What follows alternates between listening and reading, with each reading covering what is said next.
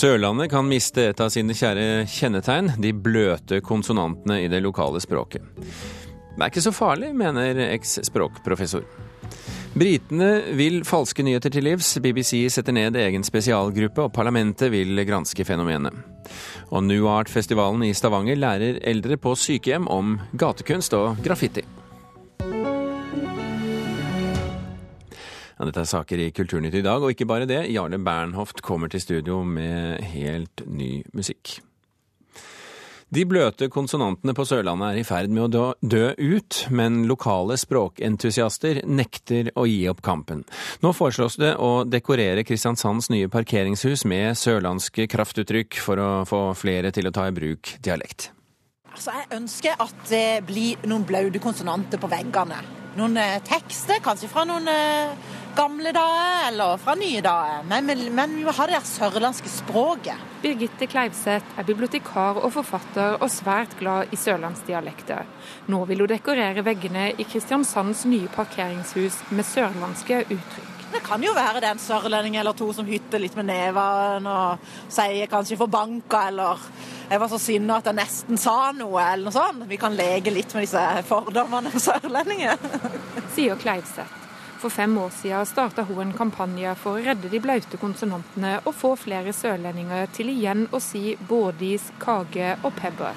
Det er viktig å ta vare på dem, for det er en del av vår identitet her nede på Sørlandet. Altså historiene våre, historien vår, den er med blaute konsonanter og, og eh, det er noe med det sørlandske som på en måte blir beskrevet gjennom det språket. da. I tillegg til foredragsvirksomhet og høy aktivitet i sosiale medier, er det blitt flere bøker om de blaude konsonantene.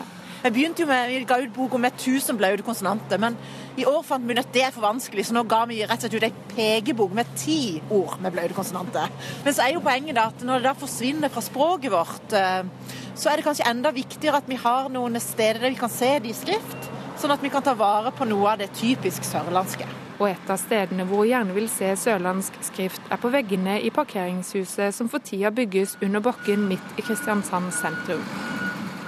Parkeringshuset skal stå klart til sommeren. Ja, Det høres ut som en eh, idé som vi har lyst til å se nærmere på. Sier daglig leder Jon Bjørgum i Torvparkering AS. De arbeider med flere innspill og ideer til utsmykking, og Bjørgum kan ennå ikke si hva de faller ned på. Men han liker tanken på å ta i bruk lokale ord og uttrykk. Vi har jo sett at de har gjort noe tilsvarende i Stavanger. I fjor ble veggene i parkeringshuset som ligger under Valbergtårnet i Stavanger malt i friske farger, og dekorert med historiske tekster og lokale lokale uttrykk. Alt på stavangerdialekt, sier Christian Tønnevold. Mange av disse gamle uttrykkene har en tendens til å bli litt glemt. Sier Tønnevold, som er daglig leder i Stavanger parkering. Så Vi har lyst, rett og slett lyst til å dra de fram igjen opp i lyset. Og Det er nok en del yngre folk i, i byen her som kanskje ikke er så godt bevandra med de gode gamle uttrykkene. De blaute konsonanter kom til Sørlandet for 700 år siden. Akkurat nå er de i ferd med å forsvinne. Så det er noe med å ta vare på det som har vært. Kanskje en slags gjenbruk da, av språket. Reporter her, det var Miriam Grov. Janne Formoe, skuespiller, velkommen til Kulturnytt. Takk skal du ha. Du er oppvokst i Kristiansand, har bodd i Oslo nå i 20 år. Hvordan står det til med dine bløte konsonanter? Nei, jeg syns det går sabla bra, jeg. Jeg er veldig opptatt av å holde på de blaute konsonantene. Ja, hvorfor er du det? Nei, det er jo språket mitt og identiteten min. Og når man flytter til Oslo, så er det jo veldig lett å bli litt avsleben. Eh, men eh, for meg er det veldig viktig, spesielt kanskje siden jeg er skuespiller òg, så har jeg vel en slags eh, Jeg må kjempe litt for dialekt. Jeg må være opptatt av dialekt, og jeg vil det også, selvfølgelig. Men kjempe, er det sånn at du må kjempe for å få lov til å, å bruke Kristiansands dialekt når du spiller i filmer eller på teater? Ja, det kan hende at jeg må. Jeg, har, jeg hadde en lang diskusjon med regissøren og liksom bak neste sommer, som jeg spiller i. Men uh, jeg syns jo neste sommer absolutt bør ha noe sørlandsk i seg, og da vant jeg. Mm. Uh, men hva, hva, hva, kan du, hva, kan det skje med Sørlandet da, hvis, eh, hvis, eh, konsonantene forsvinner, de bløte? Det er jo bare trist at vi alle blir liksom liker og liker, er det ikke det? Er det ikke fint at vi har litt forskjell? Vi er jo et land med mange flotte og fine dialekter, og da syns jeg det er noe fint i at de skal være sånn som de var. Eh, da blir det liksom litt mer mot bokmål, og det er veldig fint når det er bokmål, men jeg syns når det er sørlandsk, så bør de være blaute. Arne Torp, pensjonert språkprofessor ved Universitetet i Oslo, fra Universitetet i Oslo. Velkommen til Kulturnytt. Takk for det. Er du bekymret over at de bløte konsonantene forsvinner fra Sørlandet? Hvis eh, jeg skal vurdere om de vil forsvinne eller ei, eh, så tror jeg nok de forsvinner, ja. Men om jeg er bekymra for det, eller om det, det, er det som bekymrer meg mest Syns du det er leit? Det er vel egentlig ja, spørsmålet. Ja, ja, ja. Jeg syns det, det er sunt med, synd med dialektforandring i det hele tatt. Det er jo egentlig dialektelsker. Ja. Men jeg syns ikke de blaute konsonantene er det som egentlig er mest synd. Fordi at de er egentlig bare litt grann sånn pynt, hadde jeg nær sagt, i enkelte ord. Hva er det som er mest synd, da? Det som er synd, som kanskje berører en del av de samme orda, det er jo det at f.eks. ÅR blir til ER. At rober og rager og skyder, det blir til roper og rager og skyder. Hvorfor er og det? kanskje med roper og raker og skyter med P. Ja. ja, Hvorfor er det verre enn de konsonantene? Fordi at dette her er jo da snakk om egentlig noe som er innbakt i sjøldialekten. Eh, hvis du uttaler en sånn der ER eh, i slutten av et ord som eh, R, da snakker du østlandsk. Eventuelt Oslo vest. Eller R. Ja, Det skal man ikke ha noe av? Nja, altså Hvis en er glad i disse dialektene der nede, så må en jo ta vare på det som virkelig er karakteristisk for disse dialektene. Og det er ikke de blaute konsonantene. De er selvfølgelig folk er veldig opptatt av det, fordi at de har jo vært en del av skriftspråket vært så lenge vi skrev dansk osv. Men vi har jo ord. Det er jo ingen som sier trute for trude, og ingen som sier tupe for ei tube. Sånn at alle har jo blaute konsonanter i visse omgivelser, og harde konsonanter i andre ord. Janne Formoe, eh, hva tenker du om at Arne Torp eh, her ikke er så bekymret for de bløte konsonantene som du er? Jeg hører jo hva han sier, og jeg skjønner at han Altså, jeg forstår jo at han som språkforsker også er opptatt av de andre tingene som kanskje er viktigere, men det handler jo mest om at ikke språket må forsvinne. Og det er jo litt sånn med de blaute konsonantene, akkurat som det er litt sånn uskrevne hemmelige regler. For når jeg prøver å lære mine østlandske venner å snakke sørlandsk, som syns det er veldig gøy med de blaute konsonantene. Men, men, merker jo at noen ord sier jeg med eh, blaute, og noen ikke. Men eh, jeg syns vi skal være litt bekymra, Arne Torp. ja da. ja da. Jeg hører jo at du Du er jo veldig bred i dialekter i dag, du òg. Det hører jeg. Ja, du, snakker, du, du, sa jo ikke dialekter, du sa dialekter. Ja, og da, Så du da, har jo den der åen på plass, altså. Og, men, men, men uh, unnskyld meg, Janne Formoe. Uh, ja. Vi snakket rett før jul her i Kulturnytt om hvordan dialekter blir brukt i barne-TV. Altså sørlandskvinner, omsorgsfulle, trøndere ja. er tullete, og bergensere de er jo da som regel skurker. Tror du at dette med at bløte konsonantene forsvinner, er også en måte å uh, ta vekk et stigma? Ja, det kan jo hende, om det er bevisst så veldig, tror jeg ikke. Men det kan jo hende. Man tar jo etter det man ser på TV, og det man Det blir kulere og kulere språk, så jeg vet ikke om det er sånn. Men det stigma tror jeg vil være der om vi har blaute konsonanter eller ikke. For sørlendinger er blide bli og koselige, Torp, hva tror du? Det kan godt hende. Ja, nei, altså. Jeg ser jo at eh, disse her dialektene nede på Agderkysten er veldig trua i dag.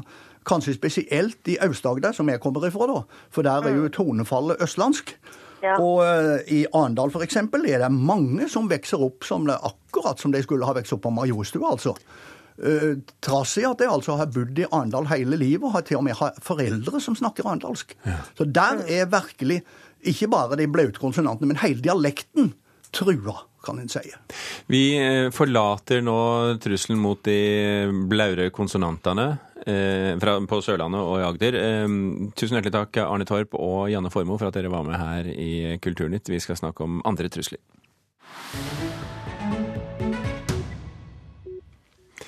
For fenomenet falske nyheter har fått stor oppmerksomhet i kjølvannet av den amerikanske valgkampen. Vi snakker om nyheter som er bevisst misvisende, eller nyheter som faktisk ikke har skjedd, men som kamufleres som ekte saker. I Storbritannia er politikerne nå bekymret over denne utviklingen, og parlamentet ønsker å sette ned en komité som skal granske fenomenet.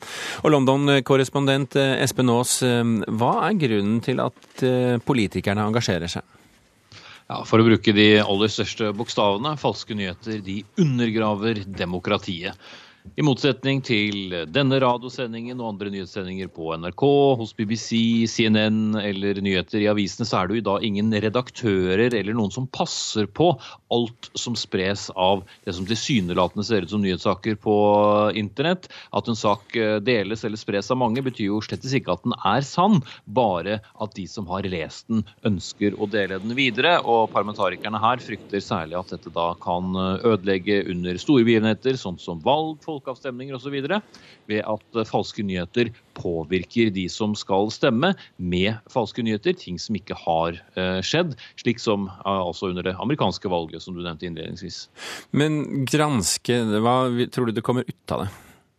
Ja, politikere som skal granskes, er jo nesten en, eh, en, klisjé. Vi hører jo ofte om det. Det som uh, en del parlamentarikere her sier, er at de ønsker å få en bedre oversikt over problemet. Og så ønsker de å ansvarliggjøre de store sosiale medieplattformene, særlig Twitter og, og Facebook, der uh, saker spres lettest. De sammenligner også delvis falske nyheter med deling av piratkopiert materiale, der det jo etter hvert er blitt etablert at store søkemotorer har spesielt ansvar for at ulovlig materiale materiale er å finne. Og på samme måte ønsker de da at det skal være et ansvar for de store plattformene å få stoppet uh, falske nyheter som er i omløp. Og så har vi BBC, da. De ønsker jo å gjøre noe med dette, de også. Hva er det de har planer om? Ja, BBC har eh, sagt at uh, selvsagt kan ikke de være redaktører for hele internett, men de ønsker å sjekke enkelte historier som da går viralt, som det heter, eller blir delt mye. Og de har da etablert eh, en ordning eller en side som heter Reality Check, eh, hvor de tar for seg nyheter som trender, eller da deles mye, og så offentliggjør de sine granskninger eh, om sakene er sanne eller falske. Og mange falske nyheter er jo også blitt maskert som om de skulle komme fra store nyhetsorganisasjoner som f.eks. BBC selv eller andre, uten at de faktisk er det. Men hva var det som gjorde, hva var det som var bakgrunnen da for eh, at de nå går løs på, på det de kaller reality check-prosjektet? Ja, Dette startet jo før det amerikanske valget, under EU-avstemningen eh, e her før sommeren uh, i, i, fjor. Da ble det delt mange og kanskje også oppsiktsvekkende historier som skulle generere klikk til siden reklame hvor det var annonser, som der igjen uh, genererte inntekter for de som sto bak sidene. Men samtidig var jo dette historier som ikke var eh, sanne, eller bare halvsanne, og påvirket eh, folkemeninger. Eh, angivelig sendt ut av tilsynelatende ekte nyhetsorganisasjoner, men som da fikk, en, en, fikk folk til å stemme kanskje annerledes enn det de hadde tenkt å gjøre når det gjaldt EU-valget. Og spørsmålet er jo hvor stort dette da kan bli neste gang det er demokratiske eksempel. Du får holde oss orientert, eh, Espen Aas. Nå går jo eh, nå går jo England og britene inn i en eh, interessant periode med brexit, så det kan hende at det kommer mye på gang der også. Du får holde oss orientert, som sagt. Takk for at du var med her i Kulturnytt. Klokken har passert 16 eh, minutter over åtte. Du hører på Kulturnytt, og dette er toppsakene i Nyhetsmorgen nå. Bedre tilrettelegging for samkjøring kan få ned rushtrafikken rundt byene, mener Veidirektoratet.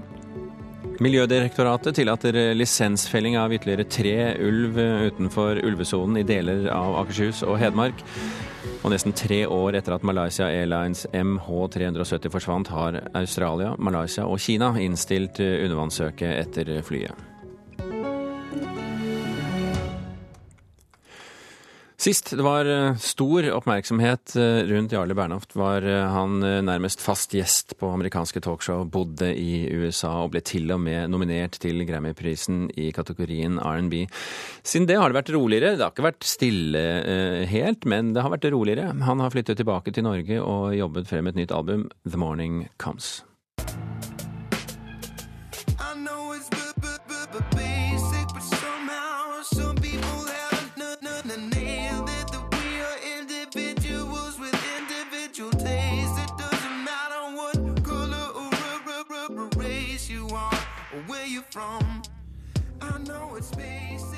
Velkommen til Kulturnytt, Jarle Jarne Bernhoft. Hjertelig takk. Låta 'Visceral', som vi hører her, eh, hvordan man, eh, oversetter man det til norsk? Magefølelse? Ja, Det er ganske vrient. Det er liksom en slags indre en, en, en kroppslig Hvis man har en kroppslig reaksjon som, man, som er bypasser det rasjonelle, så er det en slags visceral reaction. Det, altså, viscera er jo det er innvoller. Da. Innvoller i utgangspunktet. ja. um, hva handler denne sangen om? Det er en, eh, det er en tekst som jeg skrev um, Jeg var veldig opptatt av en sak i USA med Rachel Dolezal, som var, hun var en hvit kvinne som ga seg ut for å være svart og hadde tillitsverv. Hun var leder for NAACP, en borgerrettsorganisasjon i Spokane i Washington. Den historien der. Um, og jeg den, egentlig, den saken har svirra rundt i huet mitt veldig lenge, siden den kom opp. Og, for jeg mener det handler om altså en slags Det som i den parallellsaken med Caitlyn Jenner, som kom fram som, som transperson og bytta kjønn, Eh, som blir veldig sånn holdt opp som et godt eksempel på at man kan definere seg selv eh, ut ifra en egen oppfattelse av identitet. Og Så kom Rachel Dolezal-saken, og så ble den helt eh, annerledes spunnet. Og jeg syns at de to sakene var veldig interessante sammen. Fordi at ja, det handler om en, sånn, en, en evne og mulighet til å definere seg selv. Um, uh, som var veldig forskjellig. Ønsket du å definere deg på en litt annen måte da du flytta til USA også? Eh, nei, jeg har egentlig Alltid vært litt sånn? Nei, ja. nei jeg, jeg, føler at uh, min definisjon av meg selv er i stadig fluks uh, uansett. Så det, den det, Akkurat hvor jeg bor hen, har ikke så mye med det å gjøre. Men jeg var veldig opptatt av å prøve å se verden fra et litt annet perspektiv. da. Hva var det du så? Nei, jeg følte at jeg klarte å skjønne amerikanere litt bedre. Jeg syns USA er ustoppelig interessant som, som prosjekt, liksom. Jeg er ikke alltid jeg er så fan av hva som foregår der, men, eh, men det, er, det er en veldig sånn banebrytende demokratisk anstalt, da. Det er ikke kjedelig der? Nei, det er ikke det. Og det, spesielt nå er det veldig spennende. Jeg tror satiren får gode vilkår. Men, men har, dette, uh, har, dette, kommet inn i den musikken som du presenterer nå på din nye EP? Ja, i høyeste grad. fordi at jeg tror en av de tingene jeg så mens jeg bodde der, var at jeg så den institusjonaliserte rasismen eh, om ikke på nært hold, så fikk jeg den ganske godt inn i, i nyhetene hver eneste dag. Altså det er, eh, det er ikke sånn at det svarte i Ferguson f.eks. var sinte helt uten grunn. Det er jo en um, Hvis du ser på tallene og hvor mange svarte menn som drepes av hvite politimenn uten at de hvite politimennene får bot, mm. så er det, det er så drøye tall. Og jeg tror at den, denne EP-en er, er tekstlig sett en sånn framstilling av min oppfattelse av det. Vi, jeg vet ikke om du fikk med deg det, men vi fortalte her i Kulturnytt forrige uke hvordan det for tiden nærmest er obligatorisk for norske artister å fortelle om mørke perioder og depresjoner for å i det hele tatt få lansert musikken sin. Og du har jo vært igjennom en sånn slags, om ikke identitetskrise, en eller annen form for tankearbeid. da. Hvordan er, det, er du komfortabel med å bruke det personlige når du nå skal ut og presentere deg på nytt? Ja, på sett og vis, men jeg vil heller putte det inn i tekstene enn å, enn å snakke om det til, til glasert press, egentlig. Så jeg har vært i en slags identitetskrise og psykisk krise sammenhengende siden jeg ble tolv år. Sånn at eh, jeg tenker at det kommer vel ut i tekstene mer enn at det kommer ut i intervjuer, tenker jeg. Vi får la det være sånn også i denne omgang. Jarle Bernhoft, takk for at du var med oss her i Kulturnytt. Tusen takk.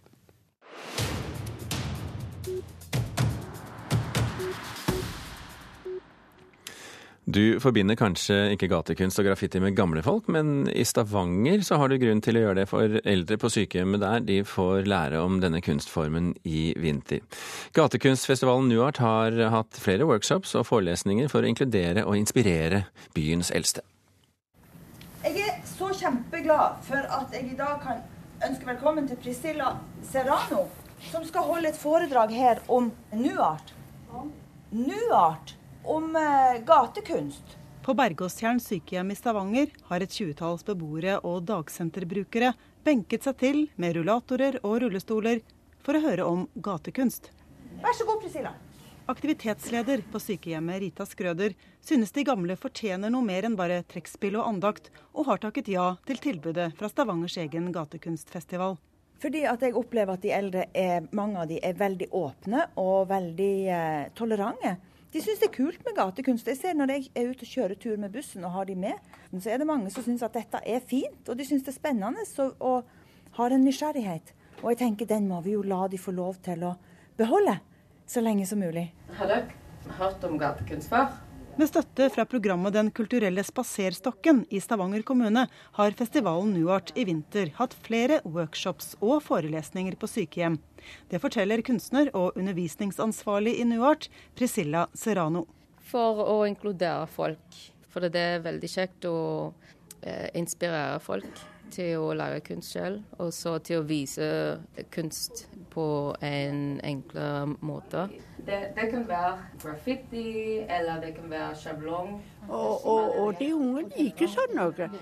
Jeg har, et, jeg har, jo et barnebarn, og hun sier jeg heter Lene. Hun kommer jo og sier Kan tro det mye fint, mormor?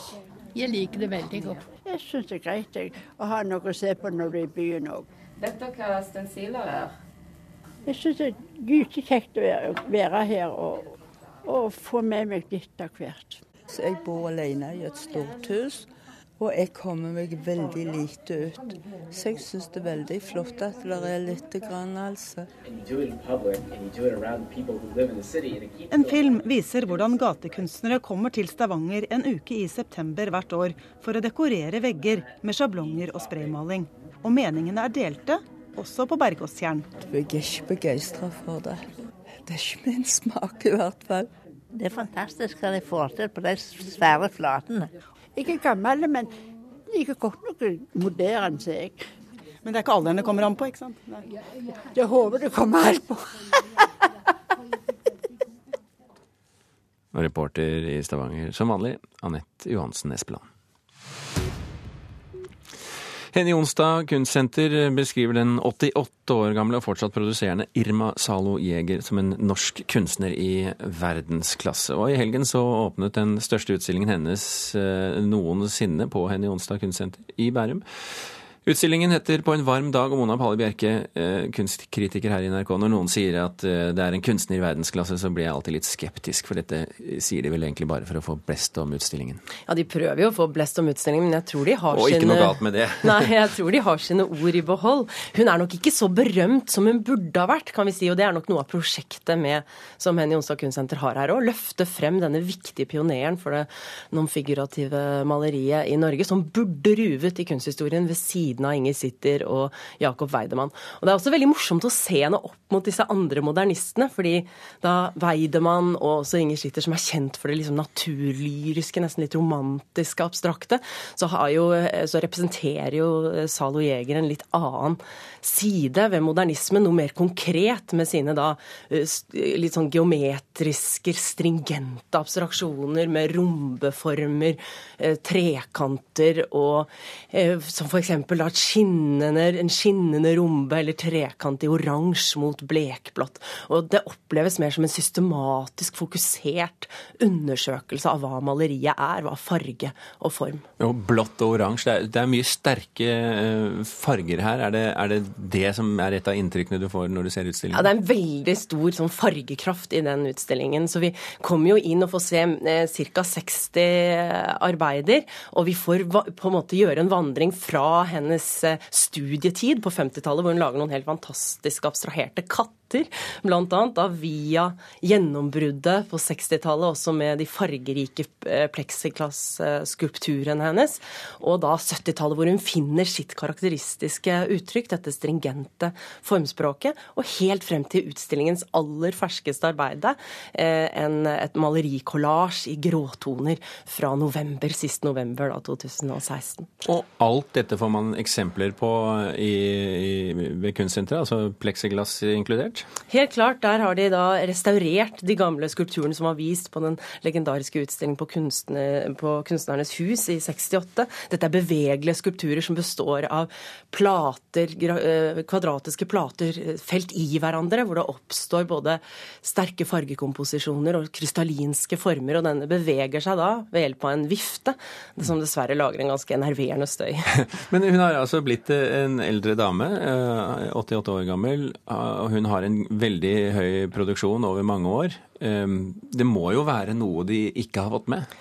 Ja, de, de, tar jo mål av seg til å vise liksom bredden. Men, og jeg, Derfor er jeg veldig forundret over at de har utelatt den kunstpolitiske siden ved hennes prosjekt, som er veldig viktig. Hun brant jo for dette spørsmålet om eh, forholdet mellom eh, estetikk og trivsel. Og da hun bodde på Bøler på 60-tallet, så hadde hun den drømmen om å fargelegge den pregløse og grå drabantbyen. Og hun grep jo inn da med brukerundersøkelser og forsøkte å endre forestillingene. Og dette er en litt sånn aktivistisk side ved Irma Zalo Jeger som jeg syns de burde hatt med i utstillingen.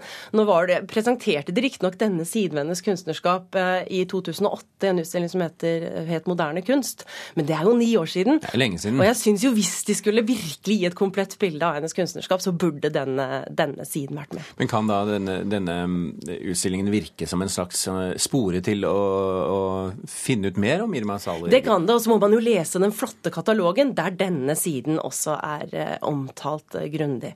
Mangler til tross, eh, Mona Palle Bjerke, det lyder jo nærmest som du syns at dette er verdt et besøk? Det er helt, helt klart. Dette er virkelig pensum. Mona Palle Bjerke, takk for at du var med i Kulturnytt i dag. I dag har vi mm, brukt tiden på å snakke om uh, hvordan de bløte konsonantene forsvinner fra Sørlandet. Du kan høre den saken om igjen og diskusjonen etterpå hvis du går inn på radio.nrk.no. Thomas Alvarstein Ove og Birger Kolser i Åsund takker nå for følget.